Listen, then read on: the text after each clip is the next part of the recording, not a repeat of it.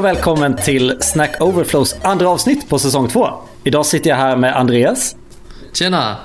Och Fredrik. Tjena. Och som nya säsongen kräver så börjar vi med personliga frågan. Vad är det som sitter och kramar dig om öronen? Andreas? Vad som sitter och kramar mig om öronen? Ja, men vad har du för hörlurar? ja, jag tänka lite. Eh, jag har... Eh, ja, vad heter jag, de? jag önskar du skulle säga kepsen, men... men... Ja, just det. just det. Eh, jag har, de heter väl Bose 700 tror jag de heter. Det är, eller nya Quiet Comfort 35 2 eller vad de hette förut. Eh, och jag hade förra gången också. De eh, använder jag som är väldigt bra tycker jag. Mm. För, för er som inte ser så håller Fredrik just nu på att kolla på sina hörlurar. Ja, jag tror att jag har... Berätta, vad stod det på dem? Philips står det på dem. Eh, par, eh, tror att de heter XM3 om jag inte minns fel. Trådbundna, eh, helöppna eh, lurar. Riktigt, ja. riktigt stora och trevliga som man kan ha på sig dem hela dagen. Och, och, behovet sladd, du sitter där öppna för att du inte ska skrika i lägenheten när någon annan är där. Ja, precis. Och jag vill ha några, så öppna är också så att de andas igenom. Man blir inte lika svettig. Det, är, mm, mm, yes. det känns mer naturligt att ha på sig. Man blir inte lika isolerad. Men det är bra ljud och de är bekväma. Mm. Jag är inne på är det, jag köpte min, de här Sony, heter de MX3? De heter massa mer siffror, WH någonting. Men, men mm. so, Sonys motsvarighet till Bosarna. Uh, och de blir lite varma när man har dem en hel dag. Jag förstår folk som klagar på det. För mig funkar det helt okej. Det magiska med det, alltså under coronaåret, alltså noise cancelling. När sonen kan stå andra sidan den här dörren och knacka ja. på dörren och jag inte hör det. Det är, det är mer än en gång mina liksom, möteskompisar har sagt du har lite skrik hemma. Och jag lyfter hörluren och bara ah, det har jag. Ja, det har jag. Kul för er. Kul för er. Toppen! Uh, det här är del två. Vi började ju förra avsnittet med att prata om min härliga resa till att vara arkitekt. Och, och jag tror temat, namnet på det avsnittet kommer bli Mattias försöker undvika att bli whiteboard-arkitekt. För det är ju så här, alltså nya typen arkitekt är ju vad, vad jag tycker, eller ja, vågar vi säga att jag tycker lite arkitekt är ett skällsord. Jag vet inte vad ni känner. Ja, men det har blivit det i branschen. Alltså, det är sällan ja. man, man numera pratar gott om just eh, rollen arkitekt. Det, det hamnas mer åt det negativa hållet mera. Ja, och där, därför pratade vi förra gången om balansgången mellan liksom så hur du samarbetar med teamet. ska du vara en arkitekt eller ska du vara en teammedlem? Mm. Vi pratade mycket om designsystem eller hur man, hur man ska göra med designen när man kommer in i ett nytt projekt. Jag tänkte att vi fortsätter lite, lite på, på den där. Uh, för, arkitekterna, alltså vill man ha dem eller inte? Jag ska säga, det beror helt på vad deras, vad deras roll ska vara. Eh, ja. Oftast tycker jag att arkitekterna kommer för långt ifrån teamen. Mm. Eh, då tycker jag då, ja, nu måste jag till de projekten jag har suttit i såklart. Har man, såklart, har personlig erfarenhet. Det... Absolut. Eh, men har, i de projekten jag har suttit i, har man arkitekten väldigt långt ifrån sig som inte är i teamen, då, då gör de då behövs de inte för teamet oftast. Då tar liksom teamet själv liksom arkitektur, ansvar och liksom tillsammans.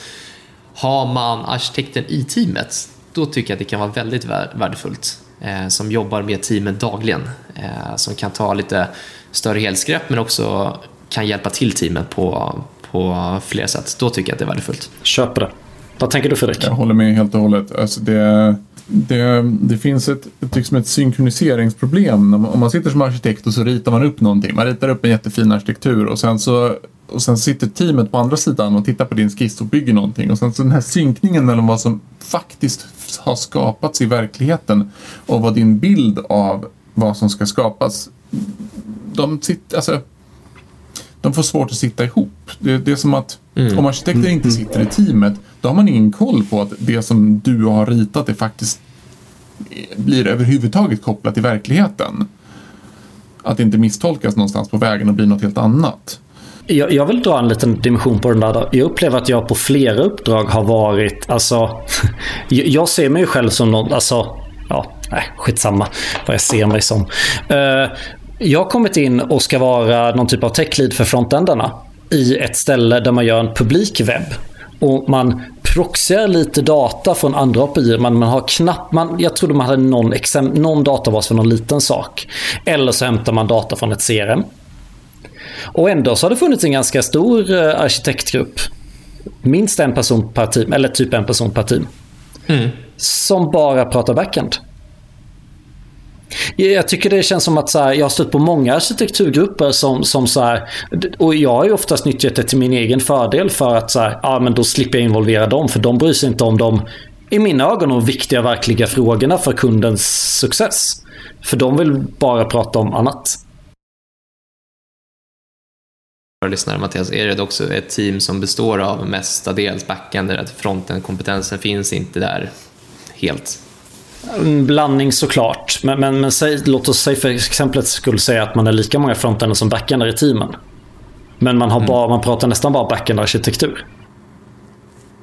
Okej. Har, ni- har ni upplevt det? Eller är det jag som är på ett sidospår här? Nej då, jag känner igen det där. Det är, ja, men det, det är lätt att det blir, speciellt ett backend-tungt team, eller åtminstone där, där, när man har backend-senioritet så blir det så. Man tänker sig att fronten den ska vara någon, vad heter det, så här, emergent property. Alltså att, att fronten bara ska uppstå framför. Liksom. Att, ja, men om vi bara gör bra backends och bra API så, så gör vi något litet, litet fronten där på, på framsidan sen.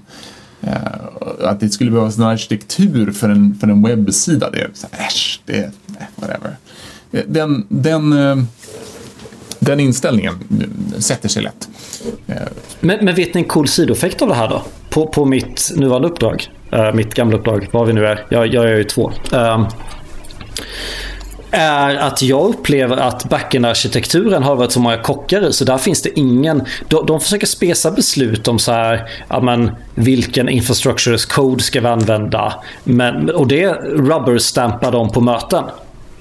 Uh, Medan i fronten så är det, eh, vi har, alltså eftersom att vi inte haft någon strukturerad arkitekturmöten så är det mer enhetligt hos oss. För att, och det kanske är för att jag har tagit rollen som frontendarkitekt lite eh, ägande, kanske inte så mycket delaktighet. Jag vet inte riktigt vilket spår jag är inne på. Men, men vi har ju tagit bra arkitekturella beslut som gör att folk Ja men klona en template så har du din microfronten till exempel. Och vi uppdaterar templaten och Jaha vill du bidra? Gud vad roligt. Det här är ställen du kan bidra på. Lägg upp en merch request. Mm. Så vi har ju vår, eh, så här, i och med att vi, nu ska jag sammanfatta det här då. I och med att vi har en arkitektgrupp som, som inte kommer överens så har de ingen typ av reusability. De har bara beslut och confluence-sidor på backenden. Medan frontenden, det är architecture as code. ja, Skulle jag vilja kalla det. ja, ja, herregud. Alltså det, det, det, det ja, mm, jag har suttit i, i den Ja, det är typen av... intressant. Alltså vad fan, man måste, man, man måste koda någonting, man måste bevisa sina case. Men, men det måste finnas något på riktigt, annars så, så blir det liksom bara papper där det står att vi ska göra saker. Ja, men jag tycker det är intressant med det vi är lite inne på för av historiska skäl så har man ju förmodligen pratat mer om arkitekturfrågan på backend. Eh, då webben på den tiden ska man säga kanske inte var så pass utvecklad. Så då var det egentligen bara liksom presentation, det var lite knappar och det var lite formulär. Eh, Medan det, liksom, det har ju växt otroligt de senaste eh, åren. Men jag tänker också att, som du är inne på Mattias, att vi, vi, vi fronten, vi, vi pratar ju otroligt mycket arkitektur dagligen och vi försöker automatisera och förenkla för oss själva med just eh, reusability som du är inne på. Eh, det här finns ju också för DevOpsarna, alltså infrastructure as code. Där är man ju också väldigt duktiga på det. Så man är väldigt duktiga på, på DevOps-biten och man är väldigt duktig på fronten-biten som jag ser nu.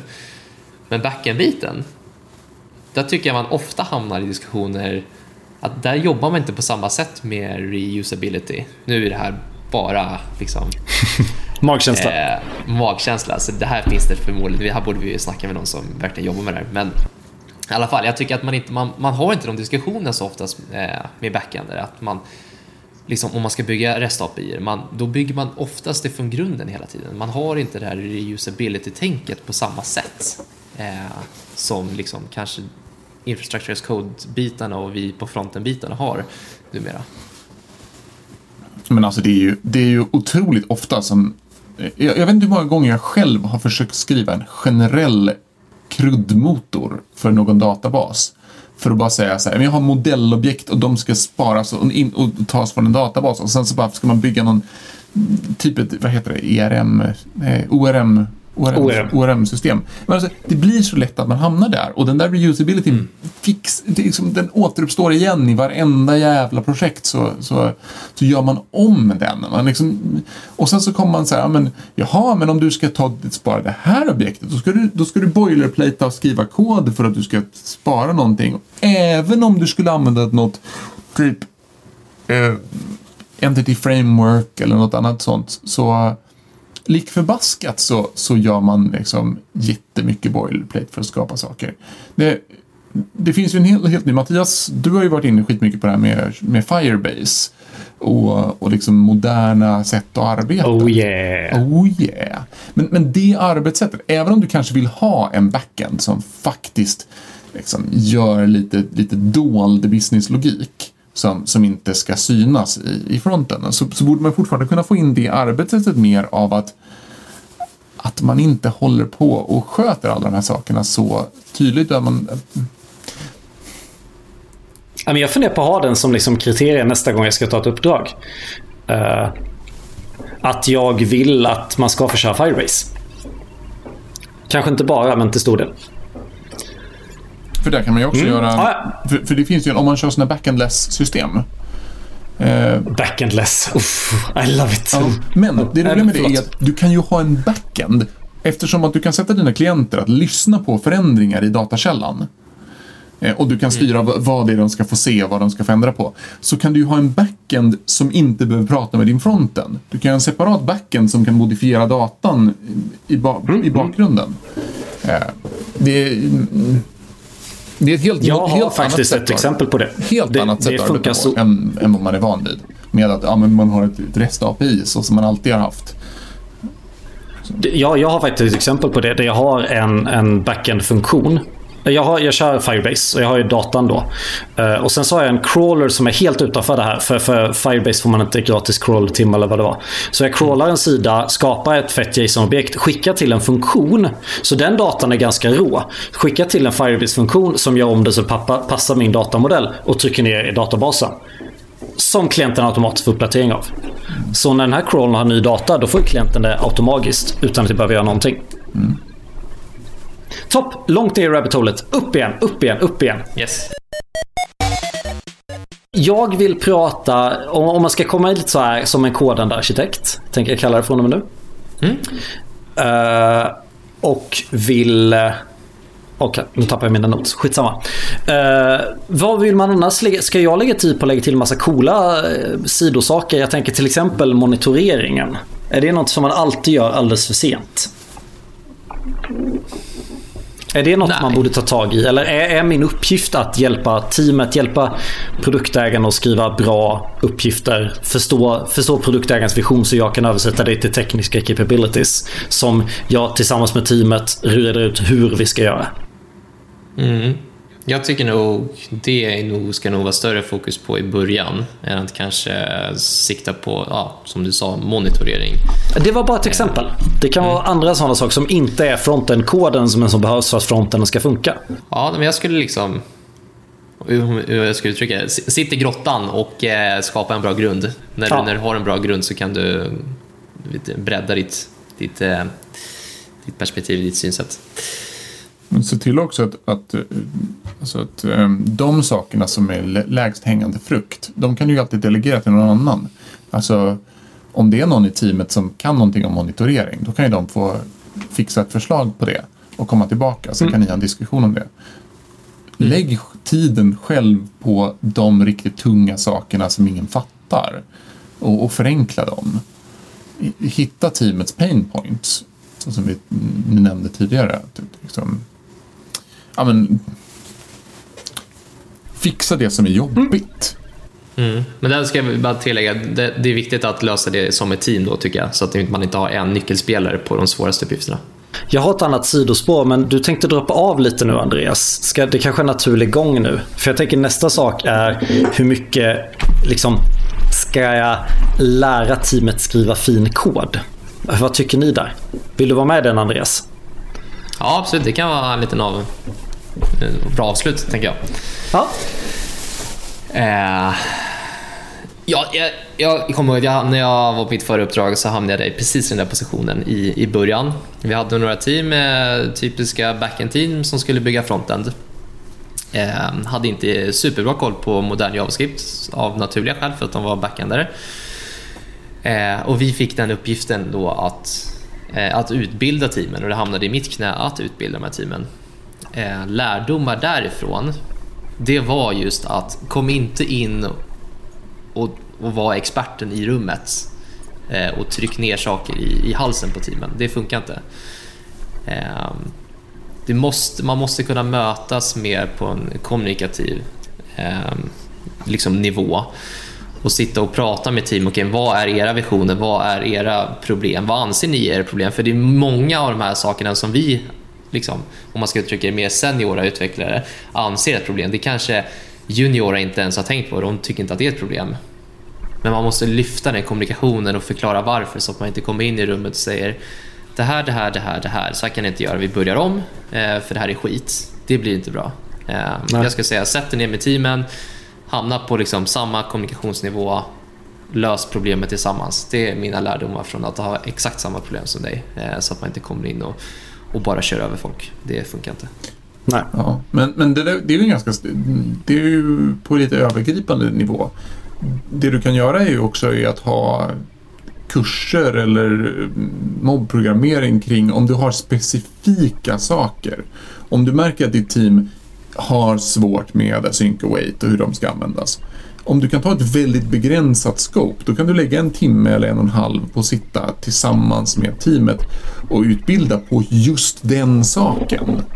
För det tror jag är lättare att hålla en kurs i, eller liksom att utbilda. Att, att om man inte ska vara så här, nu ska jag visa er hur man skriver JavaScript, utan nu ska, jag, skri- nu ska jag gå igenom vad jag kan om just den här specifika saken.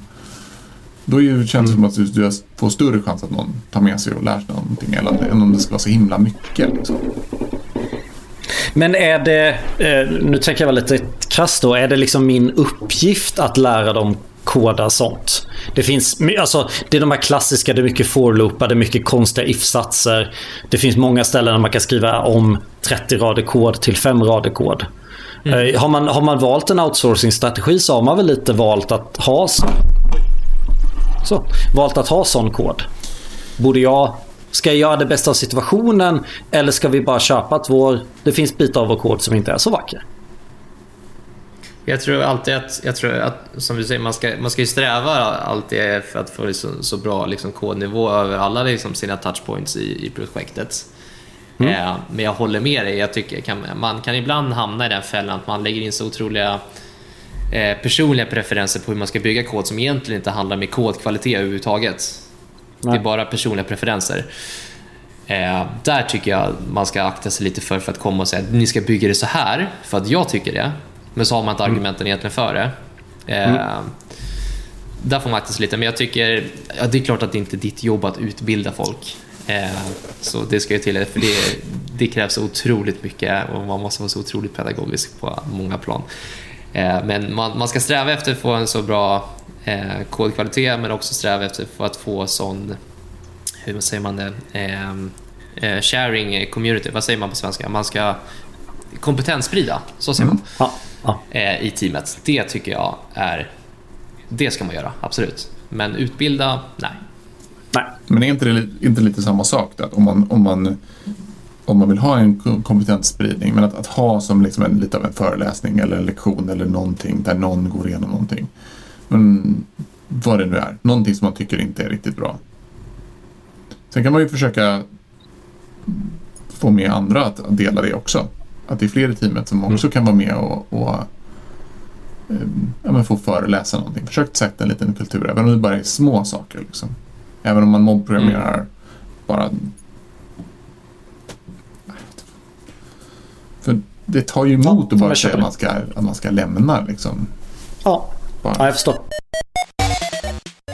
På det spåret då, alltså... Eh, jag ställer den här frågan till dig lite lätt redan i måndags, men jag tänker vi kan dra den en vända till. Mm. Har jag blivit kodsnobb?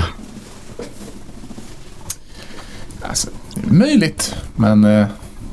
Och, och var är rätt? Alltså hur, hur ska man koda? Alltså, om jag kan beskriva problemet enklare, liksom så här. Så jag tycker det viktiga är att alltså dels så ska det vara, det ska funka bra. Man ska inte skriva liksom o, alltså här, groteskt ooptimerad kod. Det, Nej. som man, man får loopar tusen eller tiotusen gånger mer än man borde för att man inte filtrerar saker först eller någonting sånt. Eh, Mm.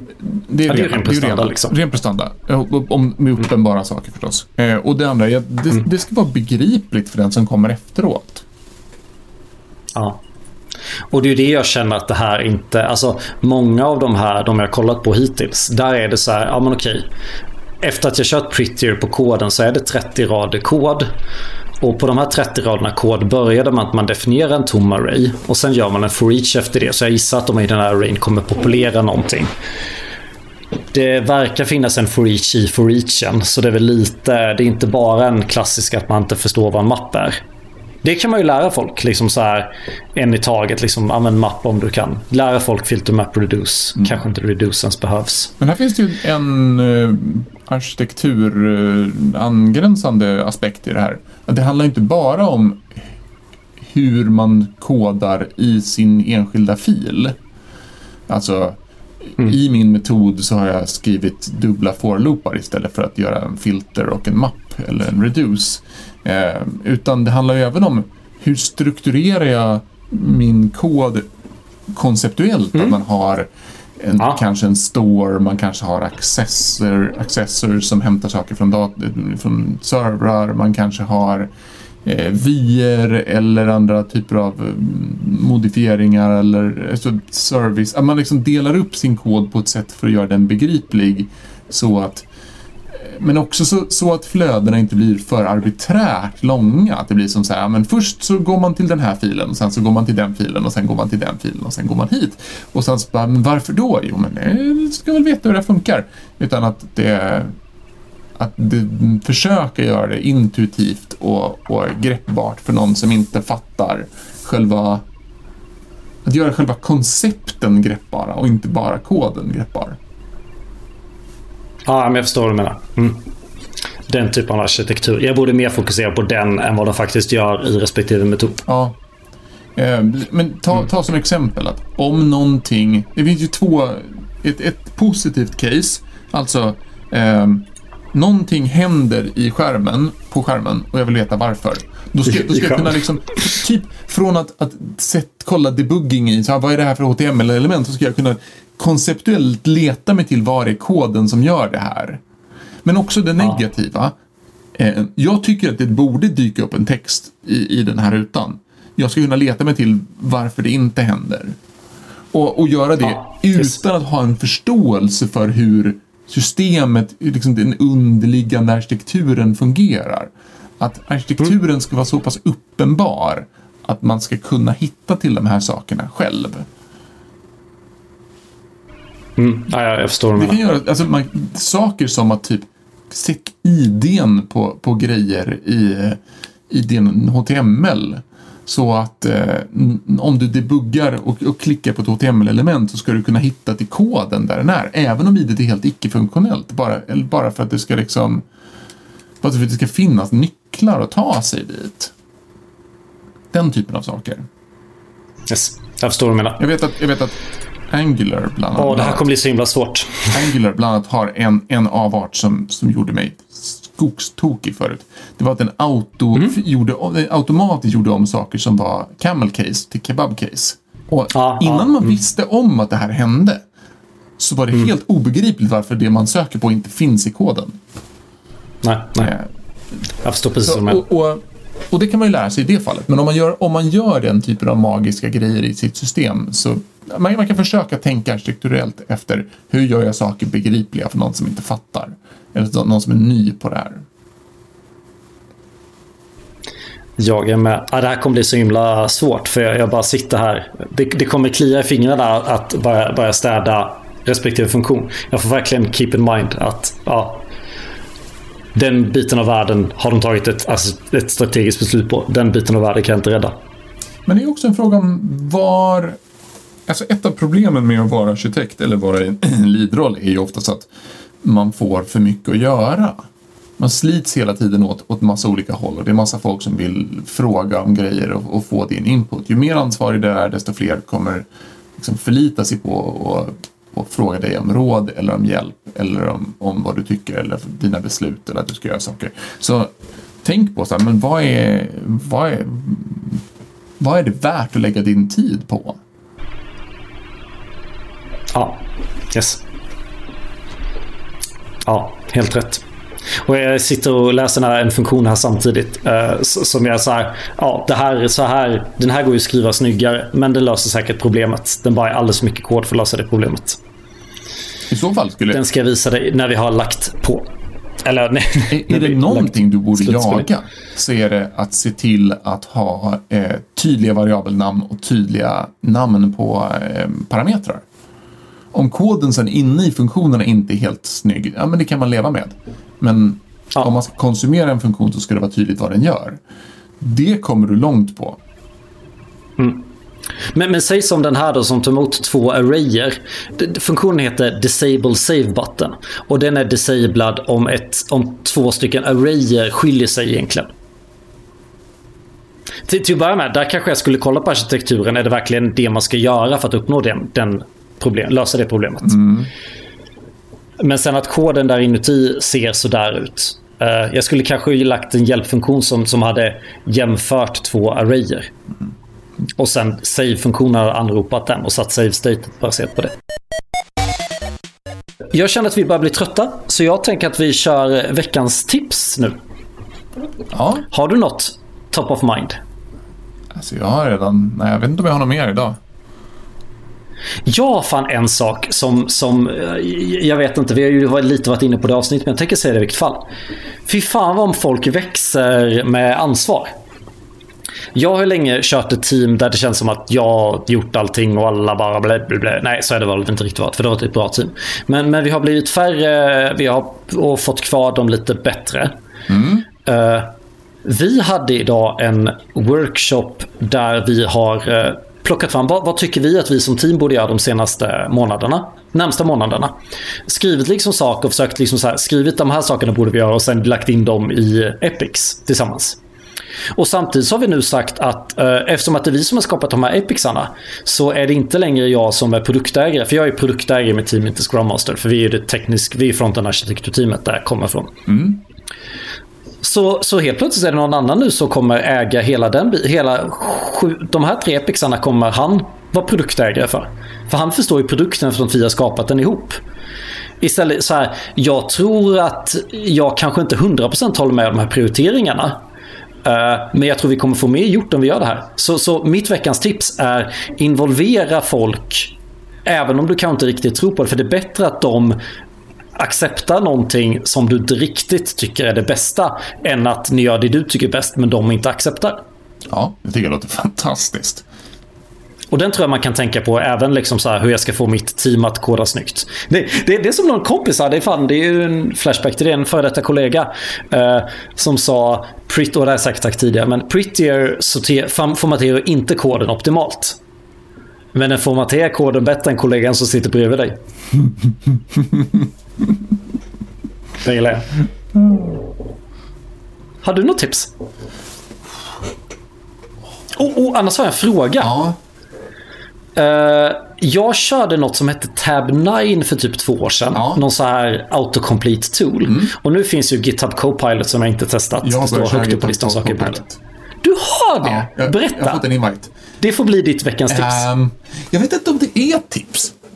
GitHub Copilot för mig känns som att det är ascoolt och oh my god vad ballt det är när man tittar på deras demon när de visar saker. Men när man ska göra det i verkligheten så är det som att även om den föreslår saker som är väldigt bra så sitter mitt muskelminne fortfarande injobbat. Liksom. Jag vill inte att du ska ja, hålla på och föreslå saker. Jag, nej. Mm. Mm. Ja, den, den är, det är bra, men för mig är det inte riktigt redo än. Den, är liksom, den föreslår saker som är smarta, men jag har en känsla av att, att ju mer linjejobb jag gör, desto mer användbar kommer den vara. Ju mer mitt arbete är gör liksom vyer, komponenter, sånt som faktiskt är så att säga liksom vanligt arbete. Där hjälper den till. Men ska man göra typ arkitekturjobb, eh, jobba med infrastrukturen, jobba med sina byggprocesser, koda liksom verktyg, sånt som är väldigt, så här, väldigt smalt i vad jag ska uppnå. Så mm. ställer den till mer än vad det bidrar. Jag förstår. Toppen! För er som undrar var Andreas tog vägen så har vi inte slängt honom framför en buss. Han behövde dra vidare. Men eh, vi tackar så jättemycket för att ni har lyssnat idag. Kul att ni var med. Vi hörs senare. Ha det bra! Hej! Tja.